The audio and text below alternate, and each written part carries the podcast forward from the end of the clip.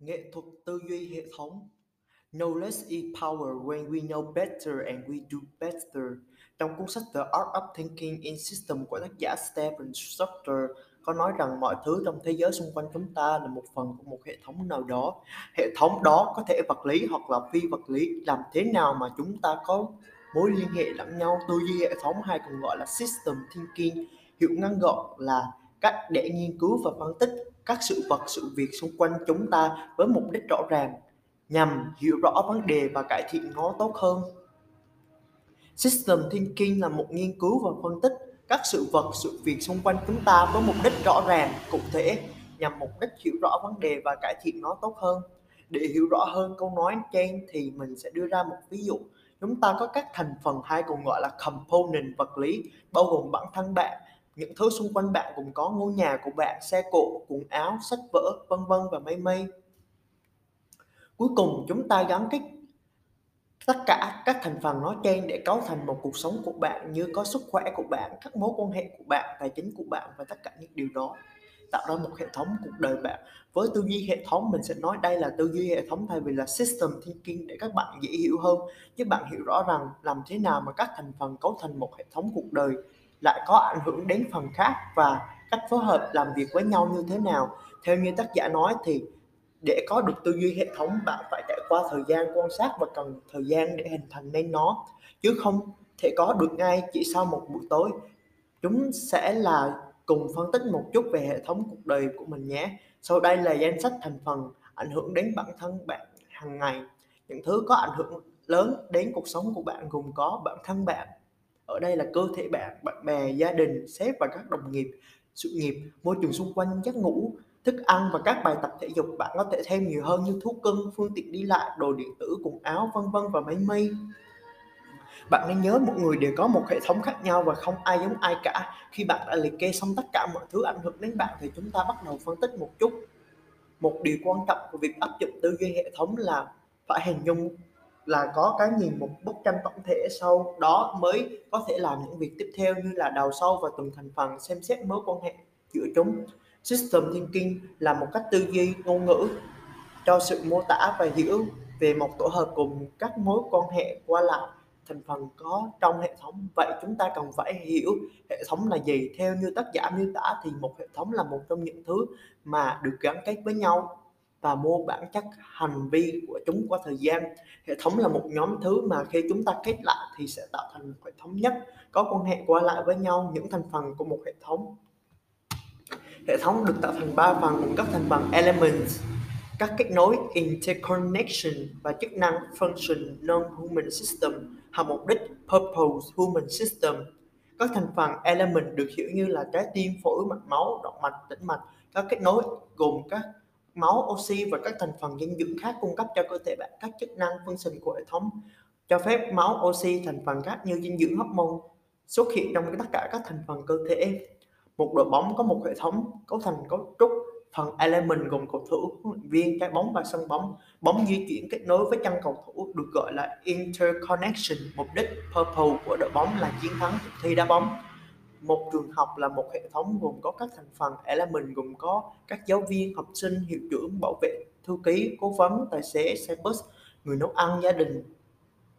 Các kết nối interconnection ở đây là mỗi quan hệ giữa các thành phần element như là quy định, điều khoản của nhà trường, lịch học, giao tiếp giữa tất cả các mọi người trong trường học, mục đích của trường học purpose và chuẩn bị mang đến cho học sinh một tương lai tốt đẹp, thành công trong cuộc sống, giúp chúng khám phá ra tiềm năng của mình bạn có thể thấy hệ thống xuất hiện ở khắp nơi từ công ty, thành phố, chính phủ, tài chính, động vật, cây cối xung quanh chúng ta.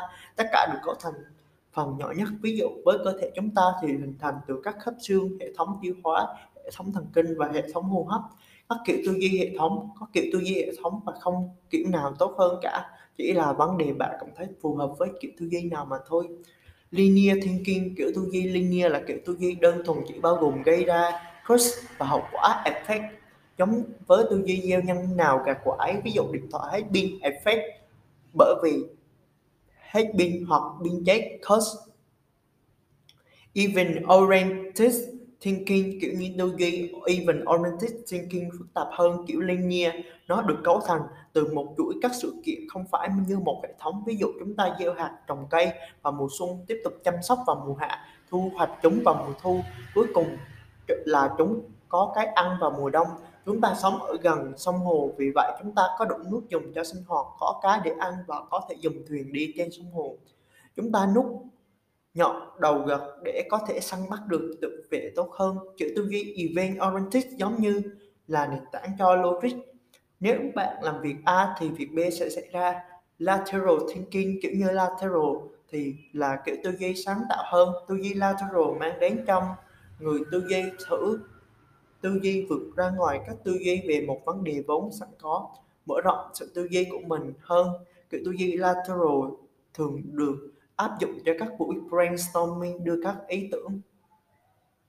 Critical thinking, kiểu tư duy critical là kiểu tư duy phản biện, kiểu tư duy critical là hiệu quả khi mà bạn cố tìm ra một sự kết nối logic giữa các ý tưởng. Những người có tư duy phản biện thường không chấp nhận giá trị trước. Mắt thường chỉ họ đào sâu vấn đề cho đến khi chấp nhận chúng là đúng. System thinking là kiểu tư duy hệ thống như đã nói ở trên, là kiểu tư duy có sự gắn kết các thành phần element và các kết nối interconnection và chức năng function non-human system và mục đích purpose human system. Vì một phần của hệ thống thay đổi thì tất cả các thành phần khác trong hệ thống cũng thay đổi hoặc ảnh hưởng theo.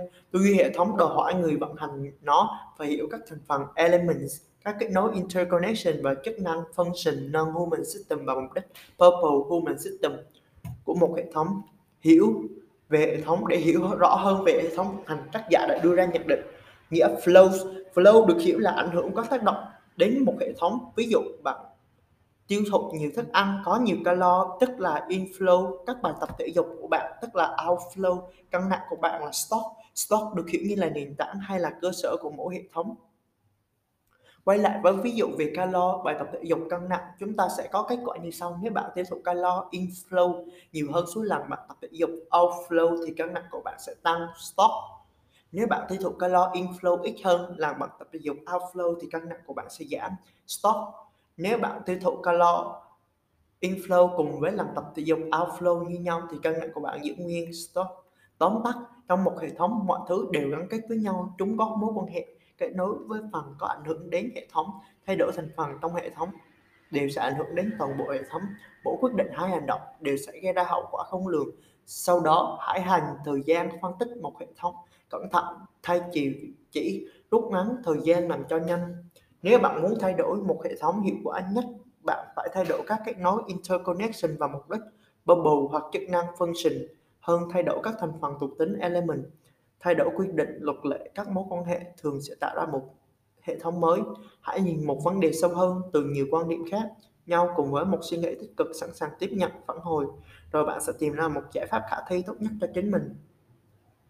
Dành thời gian quan sát một sự kiện và sau đó nghiên cứu hành vi của một hệ thống tự đặt cho mình các câu hỏi mới và quan trọng nếu bạn có mong muốn tìm ra các giải pháp tốt nhất khi phải đối mặt với các vấn đề phức tạp đối với nhiều người tư duy hệ thống tất cả chưa phải là một cuối cùng định nghĩa lại câu trả lời. Một câu trả lời thường sẽ bắt đầu cho một hệ thống mới. Tư duy hệ thống giúp bạn nhìn lại bản thân tổ chức của mình các mối quan hệ của bản thân và thế giới xung quanh bạn. Đúng là câu bài biết no less power when no, we know better we do better. Mình sẽ không dịch câu trên bạn có thể hiểu theo cách nghĩ của mình nhé. Cảm ơn bạn đi đến tận đây. Chúc bạn sớm tìm ra giải pháp về các vấn đề bạn đang gặp phải bằng cách tư duy hệ thống xấu tâm trí trong trải nghiệm trải nghiệm người dùng không xảy ra trên màn hình, nó xảy ra trong tâm trí và trải nghiệm đa chiều và đa giác quan. Sau khi đọc cuốn sách Design for How People Think, mình nhận thấy rằng việc thiết kế trải nghiệm người dùng không đơn giản là nhìn mà cần phải tư duy nhiều hơn thế. Sau đây là một chia sẻ về Six Mind of Experience, số tâm trí của một trải nghiệm mà mình đã đọc trong cuốn sách Design How People Think. Trước khi vào chủ đề chính, mình sẽ cho các bạn một câu nói rất trong cuốn sách User experience doesn't happen on the screen It's happening in the mind, and the experience is multidimensional and multisensory. Hiểu nôm na là trải nghiệm người dùng không xảy ra trên màn hình, nó xảy ra trong tâm trí và trải nghiệm là đa chiều và đa giác quan. Theo tác giả cuốn sách The Six Mind of Experience thì trải nghiệm xây dựng sản phẩm Thường khi chúng ta hay lấy việc người dùng sản phẩm của mình để xây dựng sản phẩm, thấy người dùng thao tác như nào thì coi đó là trải nghiệm và đóng khung vào việc à ông A và ông B thao tác như này khi usability testing thì coi đó là chân lý.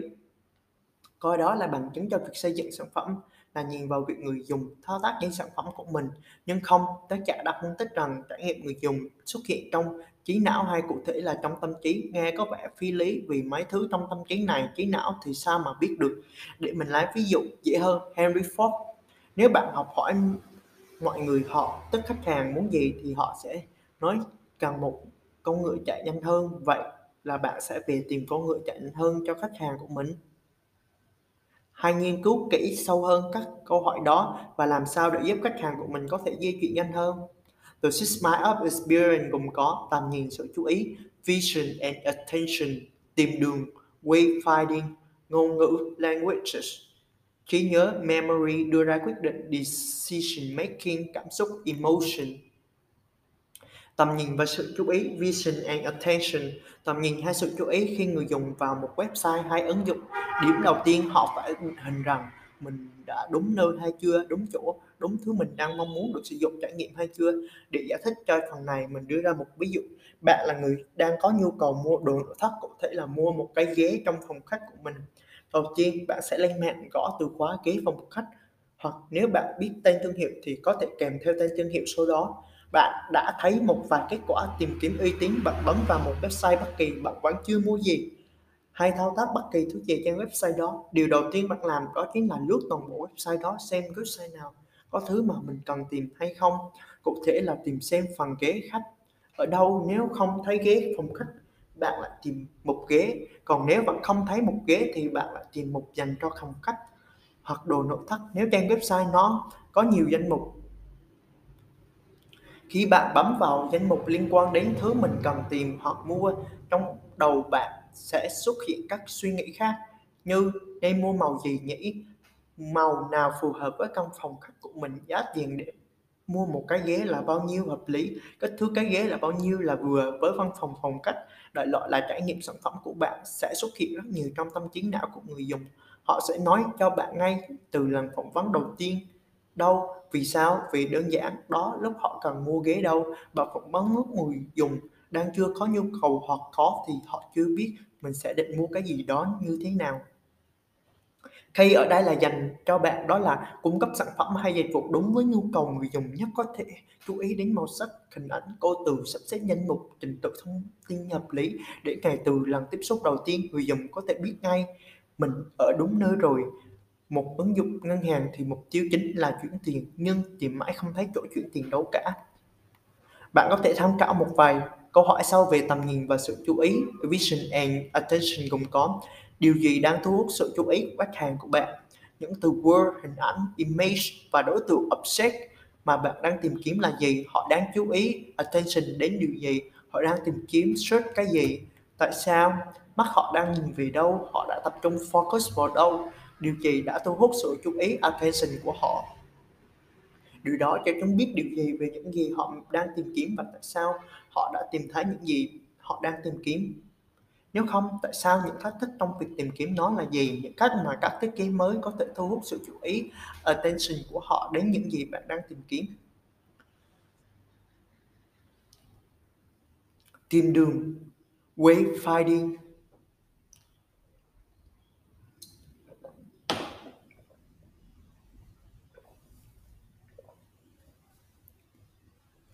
Tìm đường như ở phần Vision and Attention có nhắc đến việc người dùng ở đúng nơi mình cần chưa.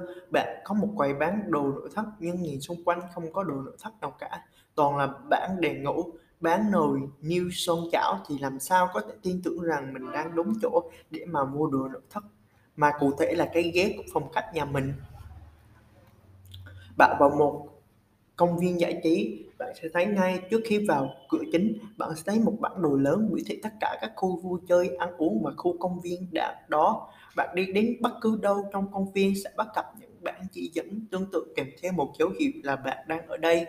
Bạn có thể xem mỗi căn nhà chung cư lớn ở gần thang máy hoặc trung tâm thương mại đều có bản chỉ dẫn này. Khi ở đây, dành cho bạn đó là trong khi thiết kế ứng dụng hay website, bạn phải lên kế hoạch và vẽ sơ đồ ứng dụng application map hoặc sơ đồ website size map rõ ràng. Từ đâu, đi đến đâu và những người dùng có biết mình đang ở đâu không? Đối với website thì nó gọi là tiêu đề website hoặc breadcrumb còn đối tượng ứng dụng thì là navigation bar hoặc tab bar. Bạn tự tìm hiểu hai dạng bar đó nha. Vì giải thích bài này, out of scope mất rồi. Một ví dụ thôi mà tác giả đưa trong phần quay fading là về loài kiến Tunisian. Tunisian ant có một bản năng tìm đường cực kỳ hoàn hảo khi mà môi trường sống của chúng. Chỉ bao quanh toàn cát là cát chúng phải tìm kiếm ăn ở xa tổ của chúng. Khi tìm thấy thức ăn, thông thường như loài kiến, bạn sẽ thấy chúng mang thức ăn đi ở phía trước. Nhưng với loài kiến Tunisian thì không. Bạn biết chúng mang thức ăn về tổ, kiểu gì không? Đó là đi giật lùi về phía sau. Ngoài ra, bạn phải di chuyển trên cát. Cũng thường bắt dấu chân vì cát hay thay đổi mỗi khi có gió thổi qua lại. Bên dưới là một vài câu hỏi dành cho người tìm đường. wifi đi cùng có khách hàng thể hiện bạn đang ở đâu. Dù trong thế giới thực physical world, ứng dụng app hay không gian ảo virtual space, làm cách nào họ tin rằng bạn có thể tương tác, interact và điều hướng navigate trong không gian này. Họ đang điều hướng navigate các sản phẩm dịch vụ hiện tại của họ như thế nào, làm thế nào họ tin rằng believe họ nên tương tác interact với họ. Khách hàng nghĩ họ đang ở đâu, làm thế nào họ có thể nghĩ rằng họ có thể đi từ địa điểm A đến địa điểm B. Họ nghĩ điều gì sẽ xảy ra tiếp theo? Kỳ vọng, expectation của họ là gì và những kỳ vọng đó dự kiến điều gì? Kỳ vọng, expectation của họ khác với cách giao diện. Interface này thực sự hoạt động như thế nào? Họ đã gặp phải những thách thức thiết kế tương tác. Interaction design nào? Do các giả định, assumption của họ. Ngôn ngữ, languages. Ngôn ngữ nhắc đến từ ngữ thì nhiều người sẽ bảo dùng từ nào chả được miễn sao không khó hiểu là được rồi. Nhưng không phải vậy, sử dụng từ ngữ để diễn đạt một ý nghĩa cụ thể lại càng khó hơn. Khi trong hoàn cảnh rất khó thể hiện được điều từ ngữ như trên ứng dụng hay website khi mà các câu từ sẽ ảnh hưởng không chỉ bởi kích thước màn hình mà còn ảnh hưởng tới chính thiết kế mà bạn vẽ ra. Để ví dụ rõ hơn phần ngôn ngữ, mình sẽ cho bạn hai ví dụ cơ bản. Đối với ứng dụng một ngôn ngữ, những câu từ không được dài quá khi thể hiện trên một cái Cái này bạn cần hiểu dạng thể cung cấp thông tin như ảnh đại diện tiêu đề và nội dung thì bạn phải thể hiện việc tiêu đề của card nó bao nhiêu dòng là đủ. Từ ngữ thể hiện có bị giới hạn với chiều ngang hay dọc của card đó không. Đối với ứng dụng đa ngôn ngữ thì mỗi loại ngôn ngữ khác nhau thì thể hiện nội dung ra làm sao. Tiếng Anh ngắn hơn nhưng với tiếng Việt thì lại dài quá, tiếng Nhật hay tiếng Trung Quốc thì toàn viết dạng ở vuông, theo chữ Hán thì phải thể hiện như thế nào? Cây ở đây dành cho bạn đó là xác định rõ người dùng của mình là ai và sử dụng ngôn ngữ, từ ngữ phù hợp với họ. Những câu từ đó có phù hợp với người dùng hay không, phù hợp với hoàn cảnh của người dùng đang sử dụng sản phẩm hay dịch vụ của bạn hay không. Những từ nào mà là người dùng hay khách hàng đang sử dụng. Những từ ngữ đó, ý nghĩa của chúng có liên quan tới người dùng hay khách hàng. Những từ ngữ đó có nói gì về trình độ chuyên môn của họ? Những từ ngữ đó sẽ gợi ý rằng người dùng hay khách hàng của bạn sẽ tương tác như thế nào sau khi đọc chúng. Đối tượng là nông thôn thì không thể sử dụng các từ ngữ mà người thành thị hay giao tiếp được. Bạn phải dùng đúng từ mà người nông thôn hay người dùng hàng ngày ngoài ra thì việc họ sử dụng những từ ngữ cùng phần nào thể hiện trình độ chuyên môn của họ những từ ngữ mà người dùng khách hàng của bạn sử dụng nhiều nhất. Và đó là những từ ngữ nào, ý nghĩa của chúng có liên kết như nào với những từ ngữ đó, những từ ngữ họ đang sử dụng tinh vi đến mức nào, mức độ chuyên môn trong chủ đề mà từ ngữ đó mang cho chúng ta một ý gì, họ có đang sử dụng cùng một từ vựng mà chúng ta với tư cách là một nhà thiết kế sản phẩm có hay sử dụng không chúng ta có đang sử dụng bất kỳ hay sử dụng các ngôn ngữ, biệt ngữ nào mà họ, những người dùng sản phẩm hay dịch vụ của bạn có thể cảm thấy khó chịu hay không? Bạn có tham khảo một số bài câu hỏi sau về ngôn ngữ. Những từ word nào khách hàng mà bạn sử dụng nhiều nhất là gì? Ý nghĩa của chúng được liên kết, associate với những từ đó. Làm thế nào tinh vi sophisticated là những từ họ đang sử dụng? Mức độ chuyên môn trong chủ đề xuất sắc trong ngụ ý gì? Họ có đang sử dụng một từ vựng lexicon mà chúng ta với tư cách là một nhà thiết kế sản phẩm trong nội bộ ý hiểu nội dung thiết kế hai các bên liên quan trong doanh nghiệp sử dụng không? Chúng ta có đang sử dụng bất kỳ biệt ngữ, jargon nào mà họ cảm thấy khó hiểu hay không? Trí nhớ, memory. Trí nhớ thông thường thì đã, phần chúng ta có trí nhớ không tốt mà nói thực ra là rất tồi. Bạn có nhớ hôm qua bạn đăng gì vào buổi sáng không? Hay đầu tuần trước thanh toán thứ gì đó mà không quên mất rồi? Sẽ có vô vàng các trường hợp thì ra rằng bạn có một trí nhớ thôi. Bạn có thể xem lại bộ tài liệu từ Mark trên Tablet nói rõ hơn. Ok, nhắc đến trí nhớ, chúng ta thường có xu hướng nhớ về những thứ quen thuộc với chúng ta hàng ngày như bạn sử dụng cái bàn đã đánh răng của bạn, nhớ nó là một đầu là cầm, một đầu là để thoa kem đánh răng. Sẽ ra sao nếu không có bàn chải đánh răng mà dùng một thứ khác tương tự? Ví dụ khác sẽ dễ hiểu hơn là các thùng rác. Bạn thường nghĩ đến các thùng rác là thứ bỏ đi, dùng không dùng đến hoặc là đại loại là muốn vứt bỏ cái gì đó phải không? Vậy nên một biểu tượng thùng rác khi bạn muốn thể hiện rằng phần này, phần kia có thể xóa được.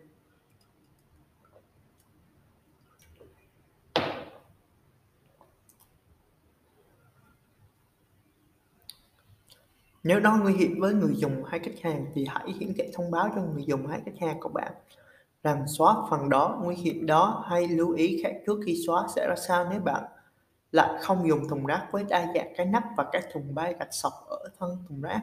Bạn dùng cái kéo không hay dùng cái gì để thể hiện các việc xóa dữ liệu. Mình sẽ thử một ví dụ đơn giản. Bạn chỉ cần bỏ ra 20 giây, có thể nhiều hoặc ít hơn tùy bạn.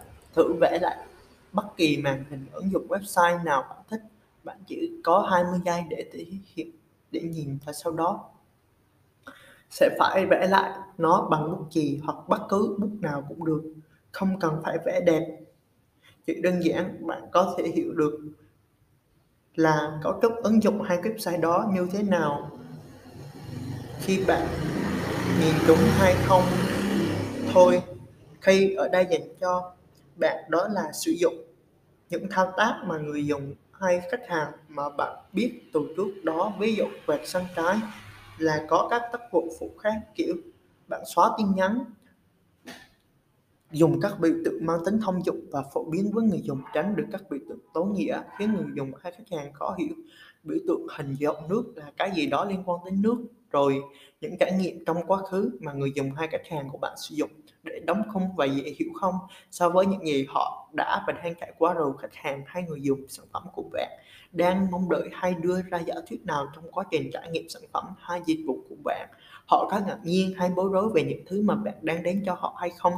Bạn có thể tham khảo một số câu hỏi sau về trí nhớ, memory cũng có. Đối tượng audience của chúng ta đang sử dụng hệ quy chiếu frame nào? Họ đang mong đợi expect để tìm thấy gì? Họ đã mong đợi expect toàn bộ hệ thống system này hoạt động quốc như thế nào.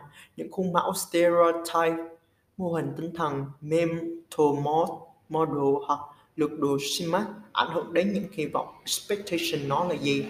Định kiến của khách hàng khác với sơ đồ SIMAS hoặc định kiến chuyên gia của chúng ta như thế nào? Chúng ta có thể thực hiện những thay đổi nào để đảm bảo rằng chúng ta đáp ứng được kỳ vọng của khách hàng? Đưa ra quyết định, make decision making đưa ra quyết định rằng việc định hình rõ vấn đề người dùng hay khách hàng đang gặp phải sẽ góp phần tạo ra sự tư tưởng để họ đưa ra quyết định. Bạn đang giải quyết một vấn đề của khách hàng hay người dùng đang gặp phải. Như nào? Đó là cái gì? Người dùng hay khách hàng của bạn đang ở đâu? Tức tình trạng hiện tại của họ, current state, mà họ muốn đến đâu hay muốn đạt được điều gì khi vấn đề hay tình trạng của họ được giải quyết goal state? Để mình đưa ra một ví dụ tôi muốn thanh toán hóa đơn tiền điện, vấn đề rõ, cần thanh toán hóa đơn tiền điện.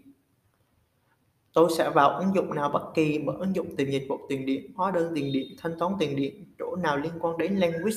Ở phần ngôn ngữ mình nói là chọn từ ngữ sao cho phù hợp với chân dung người dùng, bấm vào dịch vụ tiền điện, bạn cần phải nhập mã khách hàng. Nhiều người dùng sẽ không biết tìm mã khách hàng ở đâu, vậy bạn phải quyết nó bằng cách cung cấp một hướng dẫn vị trí mã khách hàng đang nằm ở đâu. Trên hóa đơn tiền điện nếu là bạn cứng hoặc trong tin nhắn mà công ty điện lực gửi về, tiếp đến bạn sang bằng xác nhận khách hàng hay người dùng muốn biết mình phải thanh toán bao nhiêu tiền điện, tháng này bạn phải giải quyết. Nó bằng cách hiển thị số tiền điện phải thanh toán sau khi xác nhận thông tin đầy đủ khách hàng hay người dùng của bạn, sẽ thấy nút xác nhận thanh toán ai cửa này khách hàng mong đợi rằng bấm nút này sẽ phải thanh toán được ngay nên để giải quyết vấn đề đó bạn sẽ cần bổ sung thêm phần màn hình thanh toán tiền điện thành công Ok, vậy đó là toàn bộ ví dụ cơ bản về việc quá trình đưa ra quyết định của một khách hàng hay người dùng sẽ làm gì với sản phẩm hay dịch vụ mà bạn cung cấp. Sau đây là một vài điều mình muốn chia sẻ khi muốn giải quyết bất kỳ vấn đề mà khách hàng của bạn đang gặp phải. Thì bạn nghĩ rằng họ có thể giải quyết nó như thế nào? Phương án giải quyết đó là gì? Điều đó hướng giải quyết vấn đề đó khác gì so với vấn đề gặp phải trong thực tế không? Và khác nhau như thế nào? Làm cách nào để họ, tức khách hàng hay người dùng nghĩ rằng họ có thể đạt được giải pháp hay tìm ra cách giải quyết vấn đề của họ? Những vấn đề nào mà họ cần giải quyết và quyết định nào họ cần đưa ra trong suốt quá trình thực hiện giải quyết vấn đề đó. Bạn có biết rằng họ có đang cố gắng hoàn thành điều gì không? Điều đó là gì và nó, có nói lên được điều gì về cách họ mà họ đóng khung vấn đề không? Họ phải giải quyết đang đưa ra quyết định gì? Những rào cản nào đang cản đường họ trong quá trình họ đang giải quyết vấn đề của họ? Khách hàng hay người dùng sản phẩm dịch vụ của bạn đang cố gắng hoàn thành điều gì trong suốt quá trình đưa ra quyết định tổng thể của họ trông như thế nào? Họ đang phải cần những dữ liệu nào để đưa ra quyết định và giải quyết vấn đề của họ họ phải đáp ứng yêu cầu cần gì ở mỗi giai đoạn? Nào để có thể giải quyết vấn đề mà họ đang gặp phải khi nào họ sẽ chống ngực hay ngạc nhiên thỏa mãn với quyết định mình đang đưa ra? Câu hỏi về đưa ra quyết định người dùng đang cố gắng hoàn thành accomplish điều gì? Quá trình đưa ra quyết định decision making process tổng thể họ trông như thế nào? Những sự kiện nào phát họ cần đưa ra định decision giải quyết sâu vấn đề của họ. Và họ cần gì mỗi giai đoạn stage giải quyết vấn đề problem solving khi nào họ có vẻ ngập lụt, overwhelm và thỏa mãn, satisfy họ mặc định và lựa chọn giữa đường middle upgrade road nào hợp lý, sensible. Cảm xúc, emotion, cảm xúc có phần ảnh hưởng đến quá trình trải nghiệm sử dụng sản phẩm hay dịch vụ mà bạn cung cấp đến người dùng hay khách hàng những câu hỏi về cảm xúc, emotion cũng có. Nhiều người dùng của bạn đang trải qua những cảm xúc tức thời, immediate emotion nào khi họ tương tác với sản phẩm và dịch vụ? Nhận xét nào liên quan đến người này là ai? Tức là quan điểm về bản thân của họ self concept. Họ đang cố gắng hoàn thành accomplish điều gì trong cuộc sống. Họ sợ affair điều gì nhất trong khi đi sai wrong, tại sao khách hàng của bạn cấp độ sâu hơn, deep level là ai? Điều gì sẽ khiến họ cảm thấy mình đã hoàn thành ý yêu hoàn thành tác vụ task của người dùng? Empathy map